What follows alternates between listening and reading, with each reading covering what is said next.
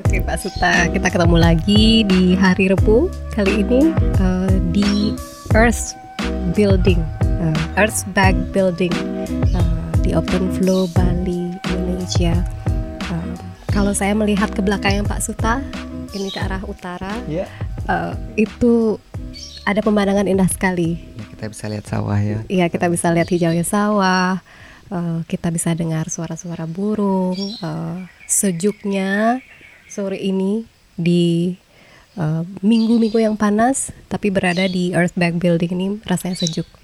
Uh, sedikit sedikit berbagi tentang uh, bangunan spesial di Open Flow Bali. Uh, kita bersama anak-anak membuat desain bangunan ramah lingkungan mm-hmm. dari bahan alami dari tanah yang ada di kebun kita uh, dengan teknik Earthbag Uh, di sini kita sekarang kita mencoba mendukung uh, pembangunan yang berkelanjutan, mm-hmm. membuat bangunan yang sustainable.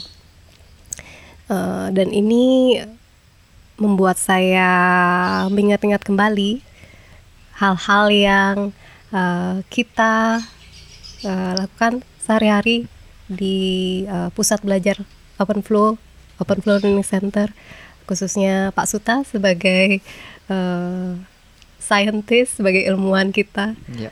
Ya. uh, mungkin bisa berbagi hari ini tentang hal-hal yang berkaitan dengan um, pembangunan yang berkelanjutan. Yang kalau sekarang lagi trennya uh, Sustainable Development Goal yang sedang diperjuangkan oleh negara-negara uh, negara kita khususnya bagaimana meningkatkan taraf pendidikan, taraf kehidupan manusia um, memberikan um, kesempatan um, kualitas pendidikan bagi siapa saja. Uh, apa sih yang kita kerjakan di Open Flow yang Pak Suta kerjakan di Open Flow untuk mendukung program itu? Ya, terima kasih sebelumnya saya ucapkan sampai bertemu lagi sama Ibu Pera. Um, ap, mungkin di Indonesia kita sebutnya dengan TPP ya, tujuan pembangunan yang berkelanjutan. Di mana kata ini diserap dari 17 SDGs of United Nations. Jadi 17 tujuan bersama dari uh, eh, PBB yang di sana tertuang tujuan bersama negara-negara di seluruh uh, dunia dan salah satunya negara kita Indonesia sangat mendukung hal tersebut. Mungkin istilah ini sudah lebih dulu dan belum begitu populer. Mungkin baru-baru belakangan ini mulai populer dan digalakkan dalam pemerintahan sehingga muncullah satu istilah dalam bahasa Indonesia yang merupakan terjemahan dari 17 SDG dari 7 17 tujuan bersama seperti itu. Nah, berkaitan dengan hal tersebut, mungkin yang uh, mungkin saya sampaikan sedikit tentang apa sih sebenarnya 17 SDGs itu uh, dan apa saja kah? Berarti 17 SDG ada 17 tujuan bersama yang ingin dicapai yang, untuk kehidupan dunia yang lebih baik. Ya, hmm. tentunya pasti untuk kehidupan yang lebih baik. Nah, mungkin di sana ada yang pertama ada uh, tidak ada lagi kemiskinan, pengurangan orang kelaparan, terus ada kesetaraan gender, terus ada pendidikan yang berkualitas, terus energi yang berkelanjutan, terus ada kehidupan di bawah air, kehidupan di darat. Dalam hal ini kehidupan artinya bukan cuma manusia tetapi juga seluruh kehidupan yang ada di bumi. Dalam artian ekosistem mungkin di sini. Terus ada aksi perubahan iklim. Untuk bagaimana kita sadar iklim sudah mulai berubah dan membentuk uh, partnership global atau kerjasama global dalam artian bagaimana kita bagaimana kita membawa isu-isu lokal itu ke publik dunia tidak hanya lokal di Indonesia saja. Nah tentunya ini uh, mulai digiatkan belakangan di pemerintahan bahkan sekarang sudah mulai masuk ke pendidikan Indonesia dalam artian sudah mulai sedikit masuknya ke dalam kurikulum seperti itu. Nah kalau kita melihat di Open Flow Learning Center berkaitan dengan tujuan pembangunan berkelanjutan. Jadi di sana ada 17 tujuan. Mungkin ada beberapa tujuan yang sangat related. Tentunya kita di sini sebagai pusat belajar yang paling giat kita lakukan di sini adalah menyediakan pendidikan yang berkualitas. Nah, kalau kita berkaca, bercermin daripada pendidikan itu, tentunya sama seperti kehidupan kita. Sekarang perubahan itu sangat cepat terjadi. Sehingga pendidikan sistem pendidikan itu pasti menyesuaikan. Dalam artian pola kehidupan kita berubah otomatis dari pendidikan pun akan ikut berubah dan menyesuaikan dengan kebutuhan pada saat ini. Dan di tempat yang berbeda karena pendidikan juga berdasarkan tempat. Karena kalau kita menyamaratakan tentunya ada kemungkinan uh, kesenjangan yang akan terjadi karena berdasarkan fasilitas, berdasarkan lingkungan sekitar seperti itu. Nah, kalau saya pendapat pribadi mengenai bagaimana sih uh, pendidikan berkualitas, nah bercermin dari pendapat pribadi saya sehingga bagaimana bisa ikut bergabung juga dengan Open Flow Learning Center atau pusat belajar Open Flow ini karena memiliki pandangan yang sama tentang pendidikan. Jadi pendidikan itu memang harus dinamis, memang harus place base berdasarkan di mana tempat sehingga lebih gampang kita untuk me melaksanakan pendidikan itu sendiri. Melihat bercermin dari itu, saya mungkin punya satu pendapat yang mungkin sangat sedikit frontal ya mengenai pendidikan. Karena kalau saya lihat pendidikan zaman sekarang seperti mungkin tidak hanya di Indonesia tapi mungkin di seluruh dunia. Mungkin sedikit agak hmm, sedikit agak frontal ya. Kenapa? Karena saya lihat pendidikan mulai mulai dari di di Indonesia mulai dari SMA sampai perguruan tinggi itu hanya bagi saya itu untuk menciptakan pekerja seperti itu. Jadi sangat jarang pendidikan itu mengajarkan tentang problem solving. Sehingga yang apa yang kita lakukan di sini di Open Flow Learning Center itu adalah menciptakan problem solver. Jadi menciptakan thinker critical thinking seperti itu. Jadi pemikir yang kritis untuk menyelesaikan tantangan-tantangan global di masa sekarang. Jadi tidak hanya untuk menjadi suatu pekerja dari dalam hal ini bisa menjadi seperti pekerjaan-pekerjaan yang ada seperti itu dan itu sih yang menjadi sesuatu yang sangat kita jadi visi yang kita ini. Nah, terlebih dari itu di Indonesia sendiri yang saya lihat itu dari berdasarkan penelitian ICCN atau uh, Indonesian Career Center Network, dia melakukan penelitian pada tahun 2017 tentang pendidikan di mana mensurvei mahasiswa di Indonesia dan hasil survei tersebut menunjukkan bahwa 87% mahasiswa itu salah memilih jurusan.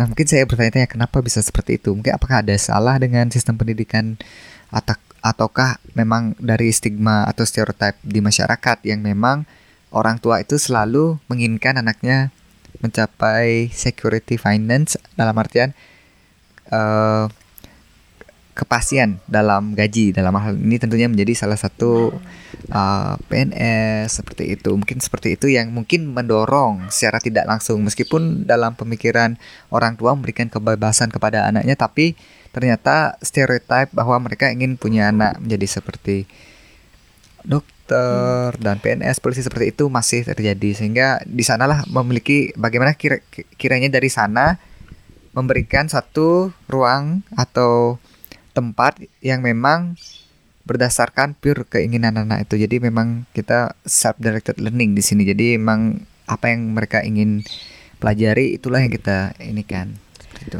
Um, jadi kalau saya kerucutkan lagi dari ke-17 uh, tujuan pembangunan global uh, yang dicanangkan nih hmm. uh, kita capai di tahun 2030 uh, yang mana lagi 8 tahun kita kerucutkan kita bahas tentang pendidikan karena itu yang uh, sehari-hari ya, uh, sekali dunia kita sehari-hari, tetapi tidak bisa juga kita pungkiri di keseharian kita seperti yang Pak Suta sudah berbagi sebelumnya dan hari ini uh, banyak hal-hal lain yang juga sebenarnya uh, tersentuh. Uh, contoh nih, tadi Pak Suta sharing tentang um, bagaimana kita memberikan uh, pendidikan yang berkualitas. Kalau sekarang rasanya pendidikan itu sudah merupakan hak semua orang. Mereka berhak mendapatkan pendidikan yang berkualitas. Um, dan sepaham dengan Pak Suta, saya pikir pendidikan itu adalah sesuatu uh, yang akan selalu berubah. Um, merupakan bagian dari perkembangan budaya kebudayaan dan perabada, peraba, peradaban. peradaban aduh yeah. belibet ya kebudayaan dan peradaban manusia itu sendiri hmm. uh, kita tidak bisa pungkiri bahwa manusia merupakan makhluk yang kreatif dan inovatif jadi uh, sudah niscayanya sudah pastinya pendidikan itu pun harus berubah um, kenapa saya berkata seperti itu menanggapi Pak Suta yang menyampaikan bahwa uh, pendidikan sekarang cenderung mengkotak-kotakkan hmm. anak-anak cenderung uh, untuk mencetak anak uh, menjadi profesi-profesi tertentu. Uh, padahal kembali lagi kita adalah manusia yang uh, berbudaya, yang kreatif dan inovatif, yang selalu berubah. Uh, jadi di masa depan yang kita hadapi, yang kita lihat, miliki dan tersedia sekarang tentu berbeda. Yang kita alami, pelajari sekarang um, tentu berbeda yang akan dihadapi dan dihadapi dan dipelajari di masa depan. Saya pikir seperti itu. Kemudian uh, apa sih pentingnya pendidikan bagi anak? Pendidikan formal, non formal uh, eh, terjadi di sekolah, learning center, di rumah, tujuannya apa? Bukankah tujuannya untuk membantu se seorang individu, anak uh, untuk survive, untuk bisa uh, hidup menghidup bertanggung jawab uh, pada saat dia dewasa atau bertanggung jawab secara uh, mandiri terhadap dirinya. Menurut saya pendidikan harusnya seperti itu. Apa pun bidang keahlian, bakat, skill, kesukaan yang akan dia kembangkan atau yang ingin dia pelajari, pendidikan apa pun yang ingin dia ambil. Nah kita kembali lagi ke open flow. Um, saya wonder nih, apa yang Pak Suta lakukan sebagai seorang saintis, sebagai seorang pendidik uh, seorang guru sains atau di sini guru segala hal, super super scientist. Ya. Uh, apa uh, hal yang sudah Pak Pak Suta lakukan untuk mendukung program uh, pembangunan berkelanjutan ini? Bisa kasih contoh satu? Hmm, yang ditanyakan apakah dari Open Flow atau secara personal seperti itu? Apakah dua-duanya mungkin? Uh, can be both. Ya ya. Oke. Okay. Jadi mungkin di sini yang pertama tadi sudah saya sebutkan melalui pendidikan yang berkualitas. Jadi memang itu relatif tergantung dari sudut pandang kita melihat bagaimana pendidikan yang berkualitas. Terus yang kedua dari pendidikan itu kita mempelajari suatu tentunya dan men menyadari bahwa sudah sangat berubah bumi kita dari peradaban manusia dan revolusi industri di tahun 1800-an mulai menggunakan mesin yang berskala besar seperti itu tentunya sudah semua berubah seperti itu. Sehingga kita menyadari bagaimana sih uh, kebersihan air dan sanitasi karena peradaban manusia telah berubah. Terus uh, iklim yang sudah berubah. Nah melalui pendidikan itulah yang kita bisa mengkoneksikan 17 tujuan pembangunan berkelanjutan itu melalui pendidikan. Yang utamanya memang kita di sini fokus karena memang tempat belajar atau learning center atau pusat belajar seperti itu ya memang dari sana kita bisa mengkoneksikan 17 tujuan yang lain yang memang sesuai dengan apa yang kita bahas atau yang kita bicarakan dan memang anak-anak tertarik untuk mereka lakukan. Nah, yang di sini di Open Flow mungkin yang paling uh, menonjol salah satunya adalah kehidupan di bawah air karena kebetulan di kelas saya anak-anak sangat hmm. tertariknya dengan ikan. Jadi dari sana mungkin kita bisa ke ke bersih, uh, air penyediaan air bersih hmm. dan sanitasi terus kehidupan dan di, itu passion Pak Suta juga. Iya betul sekali. Okay. ya seperti itu. Jadi kita sampai sekarang ini sudah melakukan artinya anak-anak sudah memiliki ide mengenai uh, kehidupan di bawah air. Dalam artian bagaimana menjaga kehidupan di bawah air termasuk di sungai di danau dan juga di laut. Sampai-sampai membuat akuarium atau miniatur ekosistem dari sungai dan yang terbaru adalah bikin ekosistem atau miniatur uh, air laut. Jadi kita memelihara beberapa ikan air laut dan juga bagaimana mempelajari ekosistem dalam pantai atau uh, di, di di laut seperti itu sehingga itu menjadi uh, salah satu media pembelajaran juga bagi anak-anak karena mereka bisa melihat langsung bagaimana ikan itu hidup dan bagaimana perubahan iklim bisa mempengaruhi dalam artian di sini dengan dalam mini ekosistem artinya perubahan beberapa variabel seperti suhu dan yang lain-lain yang berkaitan sangat berdampak pada kehidupan. Nah, bagaimana sekarang kita koneksikan itu dengan perubahan iklim? Nah, mulai dari hal yang kecil terus kita melihat uh, ke sesuatu yang lebih besar seperti itu dari hal yang sangat kecil sampai kita melihat pada ekosistem uh, di permukaan bumi ini. Terus ada mungkin dari sana nanti bisa mengkoneksikan dengan kehidupan di darat dalam artian ekosistem yang ada di darat.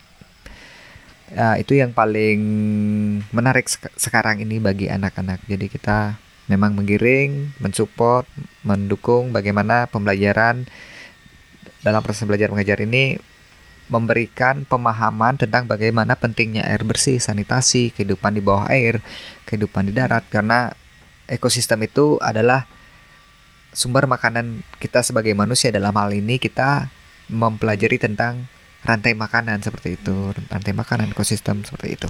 Jadi uh, mendengar Pak Suta bercerita dari tadi tentang um, pendidikan yang berkualitas atau pendidikan yang bermutu, um, itu salah satu tujuan pembangunan berkelanjutan uh, dan yang Pak Suta kerjakan dengan anak-anak uh, di Open Flow Learning Center saya melihat bagaimana uh, pembelajaran yang berkualitas itu uh, terwujudkan uh, dalam konsep pembelajaran yang place based learning pembelajaran yang uh, sesuai dengan fenomena alam yang terjadi di sekitar. Uh, bagaimana pendapat Pak Sutani um, tentang um, penerapan atau jika ada edukator lain yang juga ingin um, mensupport atau pengen melakukan atau menyediakan pendidikan yang bermutu, uh, menjadi guru yang memperjuangkan bisa memberikan pendidikan yang bermutu ke anak-anaknya atau mungkin orang tua yang memberikan pendidikan yang bermutu atau sekolah yang ingin memberikan pendidikan yang bermutu bagi siswa-siswanya. Uh, dari mungkin hal-hal lain yang terjadi di Open Flow tidak hanya di, di, di kelas sains Pak Suta. Mungkin ada hal-hal yang ingin Pak Suta bagi uh, yang kita kerjakan di sini yang mendukung uh, yang mencerminkan pendidikan yang berkualitas. Karena kembali lagi kadang-kadang pendidikan yang berkualitas itu seperti apa sih? Uh, saya wonder. Saya penasaran. Pen ya. jadi jika uh, saya ingin berbagi mungkin ada teman-teman pendidik tenaga pengajar yang juga ingin bis, uh, bisa menyerap sedikit atau merefleksi apa yang kita lakukan di sini mengenai pendidikan yang berkualitas seperti itu dalam artian bagaimana sih pendidikan yang berkualitas menurut saya pribadi itu adalah pendidikan yang diimplementasikan seperti itu. Jadi kita mempelajari ekosistem bagaimana alam itu bekerja komponen abiotik benda yang tidak hidup dengan komponen biotik makhluk hidup itu sendiri berkolaborasi di alam menciptakan suatu keseimbangan dan itu akan berkelanjutan. Nah, itulah salah satu ekosistem yang kita bisa mungkin dicermin di sini dari tujuan pembangunan berkelanjutan. Sehingga uh, dari ekosistem itu kita tentunya belajar apa yang kita lakukan dalam kehidupan sehari-hari yang bisa merusak ekosistem. Nah, setelah kita belajar tentang ekosistem, kita memahami, mengerti, terus kita sadar bahwa mungkin ada beberapa dari perbuatan kita sehari-hari yang dapat mengancam keberlangsungan ekosistem itu. Kita sudah tahu apa dampaknya, kita harus bisa mengimplementasikan. Nah, seperti itu yang ingin ingin saya tanamkan dan menurut saya itu pendudukan yang jauh lebih lebih uh, berkualitas karena ketika kita memahami dan memberi ber, mengkomunikasikan, jadi kita mengobservasi terus kita mempelajari dan menemukan uh, knowledge atau ilmunya, terus uh, mengkomunikasikan dan terakhir adalah berpartisipasi. Bagaimana kita berpartisipasi dalam tujuan pembangunan berkelanjutan seperti itu. Uh, jadi intinya take action ya. Iya betul sekali. Uh, take action, uh, melihat fenomena yang terjadi sekecil apa pun, take action. Seperti Pak Suta melihat uh, kesukaan anak-anak akan um, ikan. Pak Suka punya fashion, fashion. Pak Suta punya passion tentang kehidupan uh, di bawah air. Uh, take actionnya adalah oke. Okay, ayo kita selamatkan ikan-ikan, selamatkan kehidupan air dan dalam prosesnya belajar tentang hal-hal yang berkaitan dengan uh, kehidupan di bawah air apakah itu ekosistem, apakah itu tentang botani atau fauna. Dan dari situ anak-anak mendapatkan pendidikan yang berkualitas, eh, anak-anak berkontribusi karena dari sana mereka membuat proyek-proyek untuk menyelamatkan uh, lingkungan, mereka berkontribusi uh, membuat sanitasi yang lebih baik, menjaga kebersihan air, uh, saling terkait satu sama lainnya. Ada lagi nggak Pak Suta kira-kira yang uh, mungkin sedang berlangsung atau sudah berlangsung di Open Flow yang uh, mendukung nih, mensupport uh, Sustainable Development Goal um, yang kita sedang kerjakan sekarang? Berawal dari pendidikan yang berkualitas itu tadi, tentunya kita membicarakan topik-topik tertentu yang memang berkaitan secara tidak langsung ataupun secara sadar kadang bahkan tidak sadar kita telah melaku, artinya melakukan tujuan pembangunan berkelanjutan tujuan pembangunan berkelanjutan itu. Misalnya salah satunya adalah uh, melalui safe saving di mana kita di sini menyadari pemanasan global di mana itu terjadi karena terlalu banyaknya gas CO2 dalam atmosfer kita. Salah satu yang bisa kita lakukan adalah dengan menanam tanaman untuk menambah suplai oksigen uh, dari tanaman. Nah, salah satunya bagaimana cara menanam ya? Melalui bikin seedling, artinya membuat bibit. Jadi kita mengundang semua komunitas, termasuk siswa, educator, uh, warga sekitar, uh, komunitas lokal juga untuk bersama-sama mengumpulkan biji pohon. Mm sehingga nanti suatu saat sudah tumbuh bisa kita tanam di lahan-lahan yang memang membutuhkan. Seperti misalnya hmm. uh, ada konservasi di uh, Bali bagian utara timur seperti itu. Dan salah satu lagi dari salah satu founder dari uh, Open Flow Learning Center yaitu Pak Pit sedang aktif dalam kegiatan Conscious Planet di mana tujuan utamanya itu adalah uh, penyelamatan tanah gitu. Dalam artian kalau kita lihat kualitas tanah kita sekarang ini sudah sangat jauh dari beberapa abad yang lalu. Jadi karena aktivitas manusia seperti pertanian. Kalau bisa sharing dikit nih, uh, karena kalau Pak Suta passionate about fish, kalau saya passionnya about tanaman. Ya, sekali.